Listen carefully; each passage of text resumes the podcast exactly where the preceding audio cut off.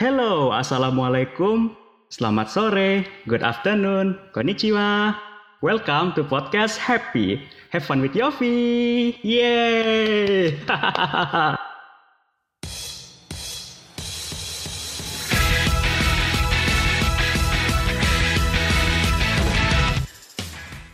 well, ini adalah episode perdana dari podcast ini.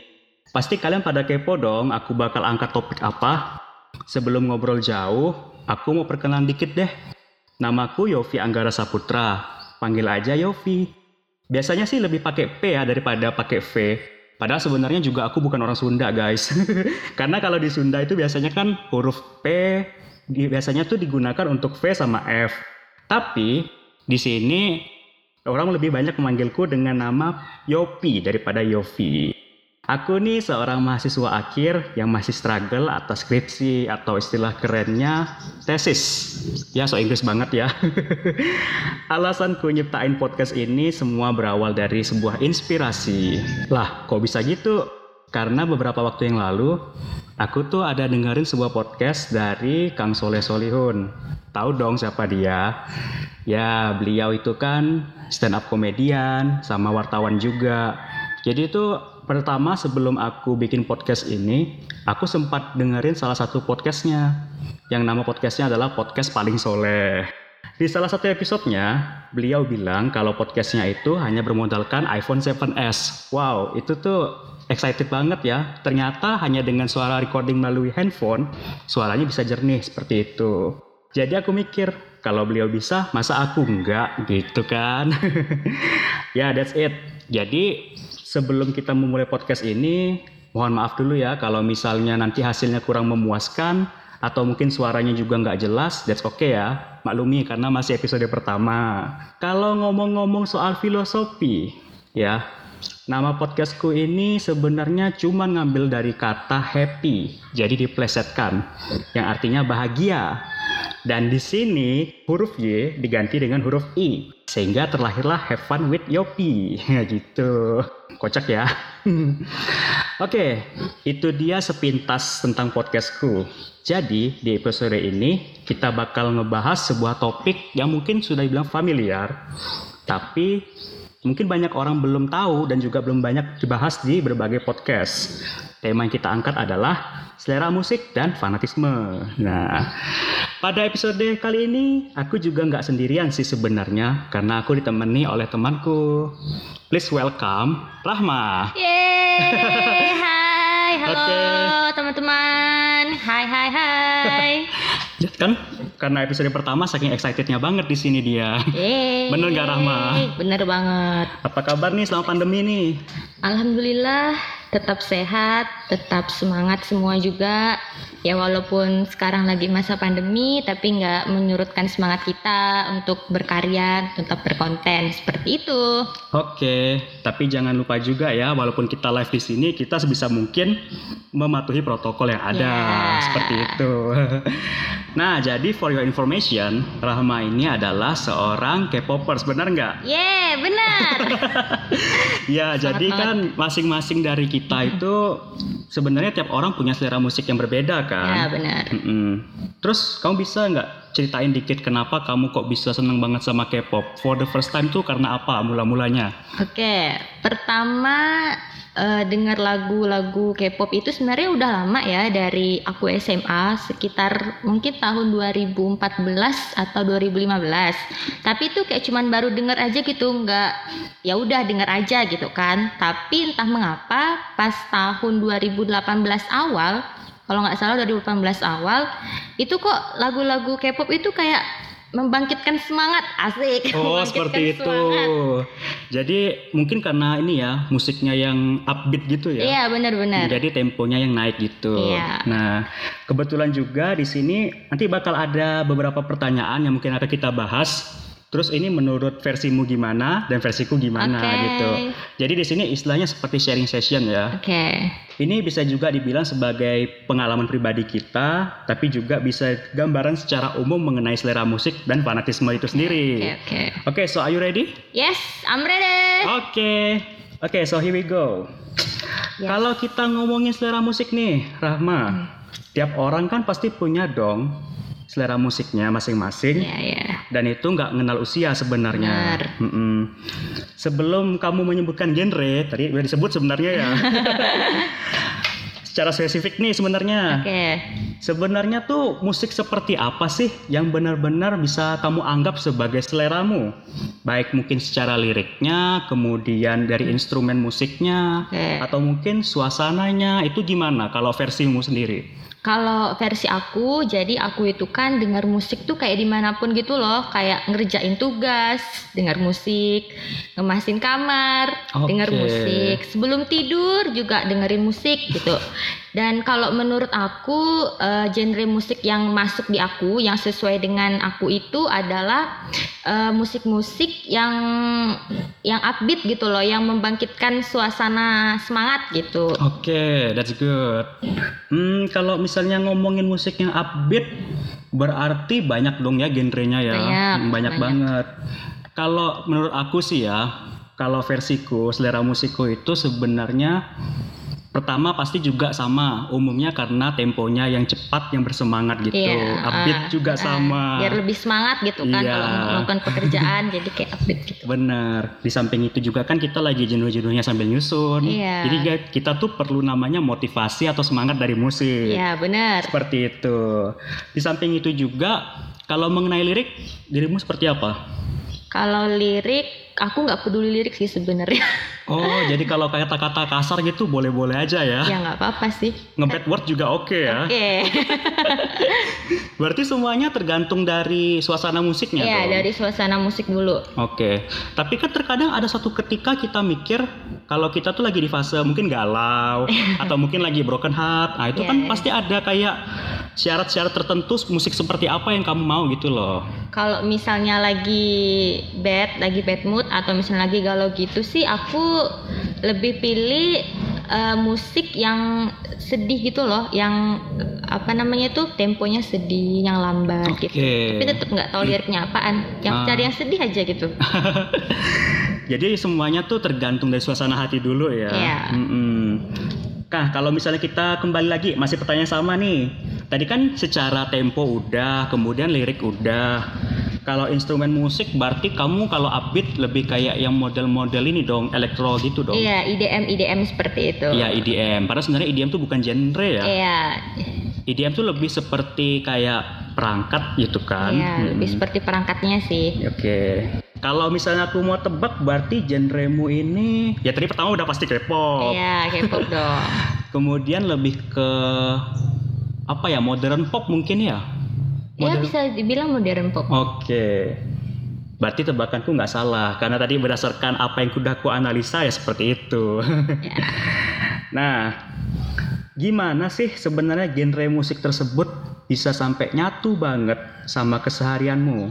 Biasa kan kalau orang-orang lagi kerja atau mungkin beraktivitas pasti enjoy banget, ya kan? ya bener Nah. banget Gimana sih kok bisa sampai ngeblend banget sama ini loh musikku, ini loh aku gitu loh. Nah, Ya, kalau misalnya itu karena tuh kan aku seperti yang aku bilang tadi gitu kan. Jadi aku tuh mendengar lagu tuh kayak di setiap kegiatan gitu loh ngerjain tugas dengerin lagu, eh, ngemasin kamar dengerin lagu, sebelum tidur juga dengerin lagu gitu kan. Dan aku lebih suka eh, lagu-lagu yang upbeat gitu kan. Malah sebelum tidur pun orang-orang sebelum tidur sih pasti banyak yang dengerin lagu-lagu yang sedih, yang lambat gitu kan supaya bisa tidur. Iya. Kalau aku malah kebalik. Kalau aku malah lagu-lagu upbeat yang aku dengerin. serius. Serius. Oh, contohnya seperti siapa musisinya dari tiap genre tersebut? Contoh deh K-pop siapa gitu? Aduh tuh. Kalau K-pop apa ya? Tergantung dari lagunya sih. Kalau eh, boy groupnya sih banyak sih. Yang paling kamu suka, yang paling demon, the most. The most ya. Kalau Ah. the most sih banyak sih kayak BTS, Oke. NCT juga. Oke, berarti dua band itu ya yang paling Ah, mendominasi. Yang, yang paling mendominasi sih mereka. Itu kalau dari K-pop. Iya dari K-pop. Kalau genre lain, misalnya mungkin yang kayak yang pop yang western atau mungkin yang Indonesian pop mungkin, can you mention siapa gitu? Kalau Western, eh siapa ya? Aku udah lama banget nggak denger Western jadi aku lupa bentar. Jadi saking banyaknya pilihan bingung ya, mau milih siapa? Apa ya? Kebanyakan sih lagu-lagu DJ sih seperti Martin Garrix. Oke. Sebenarnya tuh musik-musik yang mainstream ya. Nah, musik-musik yang mainstream sebenarnya. Mhm. Udah kepo nih sama musikku apaan? Apa ayo? Sebenarnya kalau yang ngikuti upbeat upbeat sih, aku lebih ke J-pop. Oke, J-pop. Hmm. mm. Tahu kan contoh besarnya siapa? Tokoh besar di balik J-pop itu? Tahu nggak? Everyone knows, everyone knows. Tahu nggak apa? Apa tuh? Apa? Ya kan aku nanya. kan aku nanya. Apa tuh AKB? Iya bener AKB48. Nah, AKB48. Jadi- JKT nggak sih? ya sama aja intronya gitu Eh, sama semua. aja. Mm-mm. Jadi kalau misalnya aku nyebutin yang upbeat ya, tadi yang mukanya bersemangat, aku lebih prefer ke AKB atau mungkin J-pop lainnya seperti Ayumi Hamasaki kalau mungkin kamu pernah tahu. Heeh, Pernah dengar oke. nggak? Nggak pernah. Oh nggak pernah. Wajar bukan era kita sih sebenarnya. Iya. Dia lebih ke 90-an atas, Ah. 90 2000-an, ha-ha. Berarti old old K-pop, eh old old J-pop gitu ya. Iya, tapi dia itu bisa dibilang sebagai queen of K J-pop I mean maksudku. iya, jadi dia itu emang kayak pionirnya lah gitu Ah. yang membangkitkan musik J-pop. Terus kenapa aku sebenarnya milih AKB sih? Liriknya rata-rata ya kayak kesannya memberikan motivasi sama semangat gitu. Hmm. Nah, kenapa aku milih AKB? Kemudian selain mereka dikemas secara visualnya yang kawaii gitu, Kawaii nah, tahu dan kawaii itu apa? Yeah. Jadi kalau yang nggak tahu bagi teman-teman happy sebenarnya kawaii itu bahasa Jepang. Artinya manis, imut ya seperti itu. Itu tadi kalau misalnya dari J-pop. Tapi semenjak pandemi ini aku juga ngulik-ngulik musik lawas sih, terutama Ah, Indonesia. Indonesia. 90-an. Kalau kamu pasti familiar dengan Dewa kan? Ya. Dewa 19. Pasti nggak tahu Dewa 19 gitu Mm-mm. kan. Kayaknya semua orang tahu deh gitu. Liriknya puitis, musiknya enak, Ya. kemudian juga apa ya penyampaiannya juga nggak lebay gitu. Dari kedua vokalis itu kan kita tahu yang pertama Ari Lasso, Yes. kemudian eranya Once juga nggak kalah juga. bagus. Mm-mm. Tapi kayaknya mereka udah semi bubar ya grup itu ya. Iya udah udah nggak tahu lagi sih. Nah, karena seingatku, nggak nggak pernah kedengaran lagi. ah, ah, seingatku mereka nggak pernah ngeluarin album atau apa lagi kan? Iya. Kalau nggak salah terakhir mereka reunian deh. Ya reunian. Iya, reunian Di salah sama- satu TV swasta. Iya, iya. Nah, Ada Ari Lasso-nya juga, ada Iya. Once-nya juga. Iya. Seru sih kalau ngomongin musik luas banget Luas sebenarnya. banget, Mm-mm. banyak genre-nya kan. Di samping Dewa, kalau yang mau kerasnya mungkin kayak Jamrud. Oh. Jamrud, Slang, wah itu kan rock banget. Yes. Ikonnya Indonesia ya. Indonesia. Mm-mm. Kalau dari luar juga sama sih lebih ke ngerok juga. Kalau pop mungkin sometimes ya tergantung situasi gitu. Jadi kembali ke suasana hati kita Suasana hati lagi. masing-masing. Kenapa kita memilih musik-musik tersebut? Oke, that's right. Nah, lanjut nih. Di balik musik yang kita nikmati itu kan terkadang berpeluang banget untuk menjadikan diri kita sebagai seorang fans atau sebagai bagian dari penggemar mereka. Iya. Kamu merasa sudah jadi fans mereka belum? Iya dong, pasti dong. Udah.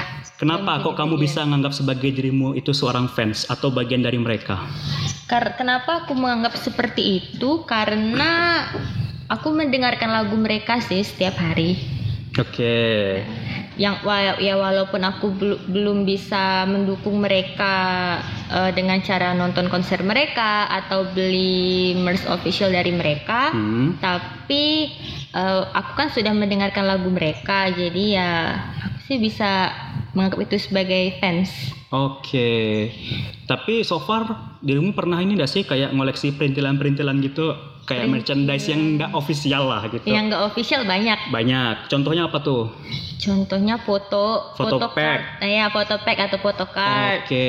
Terus pernah gantungan kunci juga. Mm-mm. Ya gitulah se- semacam itu. Jadi kayak barang-barang yang sifatnya kecil-kecil gitu ya. Ya, Terus kan kalau di K-pop, K-pop kan tadi kan? iya K-pop. K-pop itu kalau fans istilahnya apa? Bias. Bias atau bias? Kalau fans, kalau kita fansnya namanya K-popers, tapi Oke. kalau misalnya eh, orang yang kita suka itu namanya bias. Bias ya. Ya, bias. Malum lah, nggak tahu istilahnya.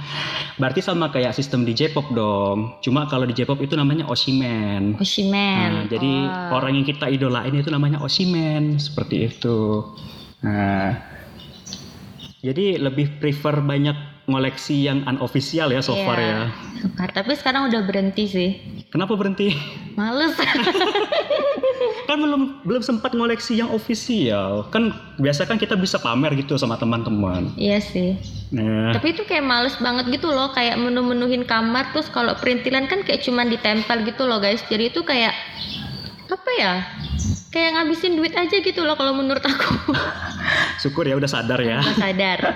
Semakin dewasa kita mungkin lebih kayak prefer ke menikmati karyanya. Iya, ke menikmati aja. Iya, mungkin kayak yang baru-baru ngefans ya. Heeh, yang baru-baru ngefans Mm-mm. atau heeh. Tadi kamu bilang berapa tahun udah ngefans sama K-pop? mungkin dua tahun lebih deh. Yang paling optimalnya segitu. Ya, yang paling optimal sih dua tahunan. Kalau yang mulai kenal pertama kali, kapan? Aduh, pertama kali Mungkin denger lagu apa langsung kling suka gitu. Ah. eh, sebenarnya yang pertama kali aku dengar kalau kalian tahu Psy Gangnam Style Oke. itu Mm-mm.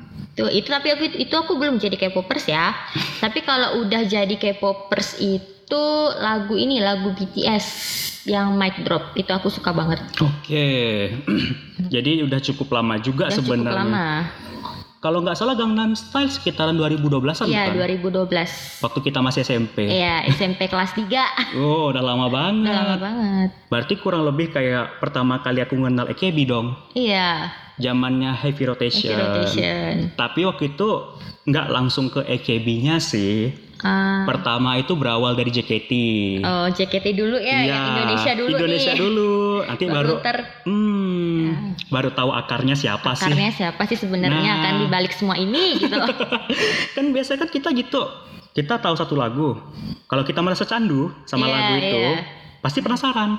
Dari mana, siapa mereka, terus kok gimana mereka bisa terbentuk gitu. Iya, dan kita mencari-cari juga yang lain gitu kan. Hmm, seru sih sebenarnya. Seru. Mm-mm. Aku juga sebenarnya udah ngurangin sih, karena kan mikir udah dewasa gitu kan. Dari 2012 sampai sekarang loh, bayangin ngefans sama Udah AKB. 8 tahun guys, 8 bayangin. tahun.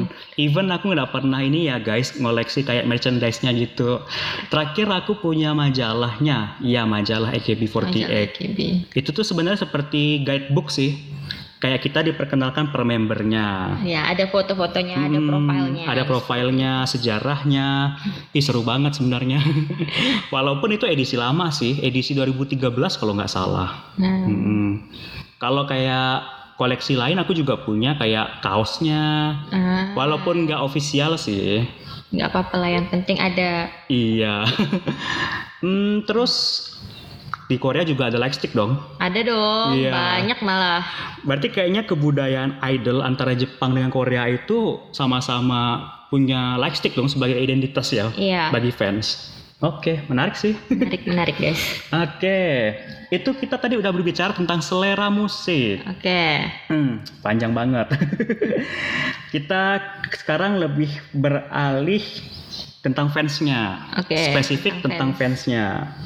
Kalau kita mendengar kata fans, pasti yang terlintas pertama kali di benak kita itu berarti kan identik sama kata fanatik Iya, atau fanatisme. fanatik. Iya, Fanatisme itu kata benda, fanatik itu kata sifatnya. iya. Ya jadi belajar bahasa nih.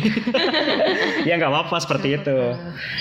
Apa sebenarnya yang terlintas pertama kali di benakmu ketika mendengar kata fanatisme? Oke. Secara umum, secara umum dulu. Secara umum aja ya. Mm-mm. Jadi kalau menurut aku, jadi fanatisme itu sebenarnya adalah kita menyukai sesuatu. Sesuatu itu ya bisa seseorang, ya bisa benda, ya apa pun lah ya, secara berlebihan. Oke, mm-mm. Sama sih kurang lebih juga aku mikirnya seperti itu.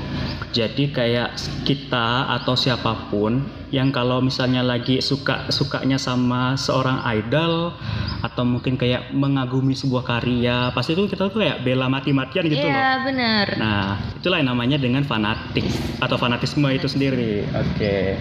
Nah, kalau menurutmu pribadi nih, Rahma, Yes. apa sih sebenarnya yang membuat seseorang menjadi fanatik akan sesuatu, terutama di musik? Itu kan misalnya kita suka sama idol. Misalnya kayak aku nih, Iya. di AKB48 itu ada yang namanya Yuki Kashiwagi. Oke. Itu oshimen aku banget. Dari Oke. zaman aku SMA dulu sampai sekarang. Uh, Nah, apa sih sebenarnya faktor-faktor atau mungkin hal yang bisa bikin orang menjadi fanatik akan seorang idol? Kalau fanatik mungkin menurut aku adalah seseorang itu terlalu terlalu menyukai ya maksudnya ketika dia menyukai musiknya terus dia menyukai visualnya Oke, mm-mm. Ka- kalau menurut aku sih dari situ sih dari visualnya dari musiknya gitu Mhm. jadi itu mereka tuh kayak seperti mendewakan seperti mendewakan seorang idol seperti itu Oke. Tapi bisa juga itu sebagai inspirasi dia Iya ya. bisa juga sebagai inspirasi atau teladannya mungkin. Iya. Nah, tapi karena saking sukanya kadang tuh sampai lupa diri loh. Iya benar Mm-mm. benar-benar aku juga pernah kayak gitu soalnya Nah, merasakan kan? oke Sama sih. Jadi intinya tuh karena apa yang dilihat dari sosok idolnya itu ya. iya Apa yang dia saking cinta banget gitu cinta sama banget sama idol itu sampai dia Iya. tuh kayak rela melakukan apa pun untuk idol itu Hmm, ini nih yang kadang keterlaluan sih, jujur. jujur banget keterlaluan ini.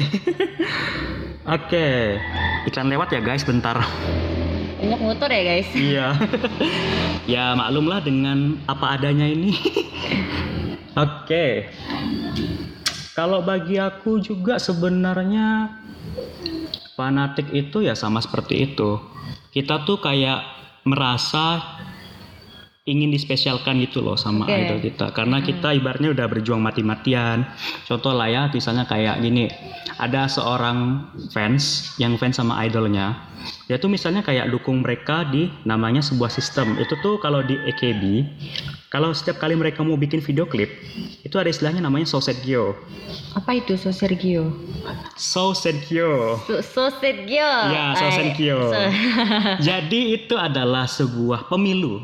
Ah Pemilu untuk kayak mem- voting berarti ya? Ya kayak voting. Berarti di situ fans bisa memilih kalau idolnya tuh pantas nggak untuk masuk ke video klip. Oke, berarti nggak semuanya masuk ke video ya Iya nggak semua. Biar namanya 48 itu mereka juga sebenarnya bukan 48 lebih membernya. banyak Nah dengan adanya sistem Sosenkyo itu sebenarnya lebih fair sih. Jadi siapa yang lebih layak masuk situ bisa dipilih oleh fans. Nah, Nah, di situ tuh setahu maksimal 16 orang, 16 member yang bisa Oh, masuk ke video klip. Nah, Anda ini misalnya ke orang fans itu udah bener-bener mati-matian ngeluarin misalnya sampai sekian juta rupiah oke untuk ngevote si idolnya itu supaya Oh, bisa masuk video klip. berbayar juga Iya, karena seingatku salah satu triknya adalah dengan membeli single terbaru. Maka nanti kita bakal dapat kupon. Hmm, oh. Kupon itu digunakan untuk voting. Ah Nah, Kalau nggak salahku ya, sampai ada salah satu fans di Jepang itu yang saking fanatiknya sama contoh lah. Kalau tadi kan aku Yuki Kashiwagi. oke Member tenar lainnya tuh seperti Watanabe Mayu atau Mayuyu. oke Nah, itu tuh dia tuh kalau nggak salahku ya, dia itu beli album banyak banget hanya demi ngevote si idolnya. Ah, Padahal setelah itu kasetnya juga nggak guna, iya diputer juga enggak, ya dipajang juga enggak gitu. Jadi kayak tumpukan sampah bener. sama sama aku juga di Korea juga seperti itu tapi kalau di Jepang tadi kan seperti ngevote gitu ya Mm-mm, ngevote. Kalau di Korea itu namanya fansign. Jadi Oke. fansign itu ada suatu event Mm-mm. dari agensi mereka masing-masing. Jadi kita ke sana lalu kayak kita tuh kayak berinteraksi sesama se- dengan idol kita itu eh, secara pribadi seperti itu. Oke. Dan itu masuknya nggak sembarangan. Jadi aku pernah dengar ada fans yang sampai beli ribuan album, 2000 album Hmm. demi bisa ikut fansign. Oh. Dan setelah itu Heeh. apa yang terjadi? Albumnya itu dibuang. Gitu saja. Oh. Sobat sih. iya. Tapi tadi kembali yang tadi masalah Sosenkyo. Yes. Itu tadi sebenarnya itu nah, karena dia merasa udah sebagai fans yang ibaratnya superior gitu kan. Iya. Otomatis dia pengen di- diperlakukan dengan idolnya juga sama. Oke. Jadi ibaratnya ingin dapatkan layanan VVIP lah gitu. Nah, kadang kalau misalnya nggak terpenuhi, tahulah nekat kan bahasa fans Nekat, kan. nekat. Saya ingatku ada pernah suatu kejadian di sana itu ketika lagi handshake, Heeh, handshake. ada dua atau tiga member terluka karena itu sukan. Ngeri nggak tuh? Wow. Nah itu benar-benar Itu kejadian. berani banget sih. Iya mungkin karena memang nggak diperhatikan atau mungkin merasa dia udah mati-matian perjuangin idolnya tapi ya dikacangin gitu. Iya. Nah itu salah satu bentuk fanatisme yang paling parah di sejarah AKB atau J-pop yang aku tahu. Oke. Seperti itu. Kalau peristiwa lainnya pernah dengar nggak apa gitu selain yang di era di area musik di area K-pop atau genre lain gitu mau sharing di genre lain sih kayaknya sih sama sih Hmm. seperti itu gitu kan. Jadi Mm-mm. ada fans yang yang melanggar privacy lah ya istilahnya ya. Mm-mm. Jadi kayak eh, mengikuti idol ke event tidak resmi lah gitu ya. oke Ikuti idolnya. Mm-mm. Nelponin idolnya yang nggak tahu aku dapat mereka dapat nomor idol dari mana nggak tahu. ya banyak sih seperti itu. sama berarti di mana pun ya Iya. Nah, kalau kamu tahu John Lennon tahu Iya, John Lennon. Iya personilnya The Beatles itu Iya. kan itu juga mati karena di tangan fans kok Iya. Mm-mm. Salah satu peristiwanya itu terjadi kalau nggak salah tahun 1980 di mana ketika John Lennon sedang memasuki apartemennya dia ditembak secara dekat dengan fansnya dengan jarak dekat itu sebanyak 4 atau lima kali tembakan Uh, dan langsung tergeletak di tempat. Iya dong. iya nggak terselamatkan lagi. Kalau nggak salah nama fansnya itu Dave Chapman. Dave Chapman. iya dan sampai sekarang beliau masih hidup pembunuhnya itu Wow. dia sempat mengajukan belasan kali untuk persyaratan ini untuk bebas tanpa syarat Mm-mm. tapi tidak ini ajukan ajuannya selalu ditolak. Oh, Oke. Nah, itu tuh benar-benar salah satu yang kelam sih di industri musik. Iya. Mm-mm. Dari dulu aja ternyata bukti fans fanatik itu udah ada gitu ternyata. Emang kalau kita mencintai sesuatu tuh janganlah sampai berlebihan Iya, gitu kan berlebihan. sebenarnya. Benar. Kalau yang dari Indonesia sendiri, seingatku Via Valen. Oke, yang baru saja terjadi. Nah, yang Ya, waktu itu ya. beberapa waktu yang lalu, Iya. yang nggak nggak salah mobilnya dibakar Iya, ya. mobilnya dibakar. Nah, itu karena si si bapak-bapak atau cowok aku lupa, cowok muda atau bapak-bapak aku lupa, itu tuh katanya nggak pernah digubris sama si Via Valennya. Ah, Jadi tindakannya itu dibalas dengan membakar mobilnya. Membakar mobilnya. Itu sangat-sangat ih nggak make sense sih gitu loh. Masa hanya karena kamu nggak diduliin sama idolmu kok tiba-tiba jadi brutal gitu? iya, Nggak mestilah gitu. nggak mesti gitu kan. Mm-mm. Kamu bisa banyak hal sih yang dilakukan gitu. Kamu boleh mendukung tapi jangan sampai yang fanatik banget gitu. Iya. Yang sampai menyakiti idolnya seperti itu. Hmm, justru malah kelihatan bodoh nggak sih? Iya dong. Hmm, oke. Ternyata panjang juga ya cerita kita ya. ya jauh banget. Berarti nggak kerasa sih kita udah di ujung acara ini. Wow. Iya. Banyak banget yang kita omongin ya. Iya, berkait dengan idol tuh luas banget Luas banget sebenarnya. sih. Eh tunggu ya ada mamang. Ada iklan lagi guys. Iya. Ya maklum dengan yang seadanya tadi saya bilang. Nah, ini yang terakhir deh sebagai pesan penutup. Dirimu punya pesan nggak untuk para fans yang mungkin fanatik atau maniak sama idolnya? Kan karena kan kamu juga pernah di fase ini. Mungkin kamu bisa memberikan pembelajaran gitu sama fans-fansnya.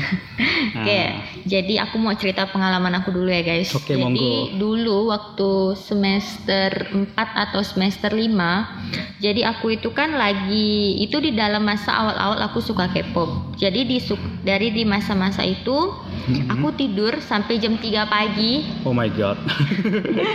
demi nontonin idol doang. Mhm. Terus eh, waktu itu juga besoknya UAS dan aku nggak belajar sama sekali.